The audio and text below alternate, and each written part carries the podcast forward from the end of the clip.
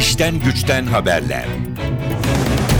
Profesör Cem Kılıç'la çalışma hayatı ve sosyal güvenliğe dair her şey.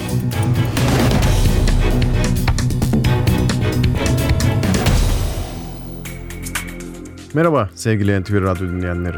Kıdem tazminatı konusu çokça sorulur, bilinmeyenleri çoktur.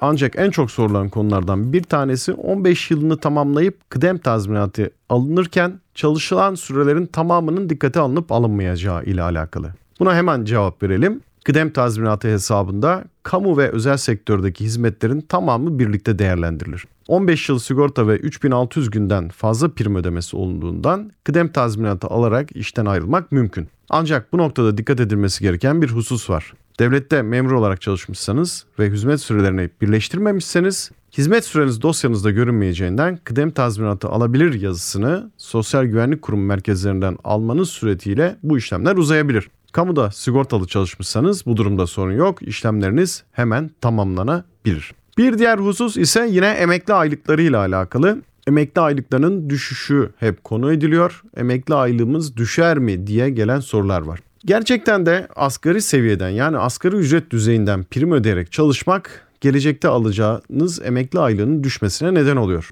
Bu yüzden aslında prim ödeyeceğinize çalışmamanız daha mantıklı gibi geliyor. En azından emekli aylığınız bu durumda olumsuz olarak etkilenmeyecektir. Diğer yandan asgari ücretin biraz üzerinden prim ödemek de gelecekteki emekli aylığını çok fazla kurtarmıyor. Yapılması gereken, daha doğrusu emekli aylığınızı yükseltmek için olması gereken en az 4-5 bin TL üzerinden sigortanızın yatması. Ancak bu da Türkiye koşullarında açıkçası pek mümkün değil. Diğer yandan bu seviyedeki bir prim esas kazancı da sadece 1-2 yıl değil uzun bir süre en az 10 yıl yaparak emekli aylığınızı arttırmak mümkün. Bunun dışında asgari ücretin üzerinde bir rakamdan prim yatması halinde ancak emekli aylığındaki düşüş önleniyor, aylıkta bir artış meydana gelmiyor.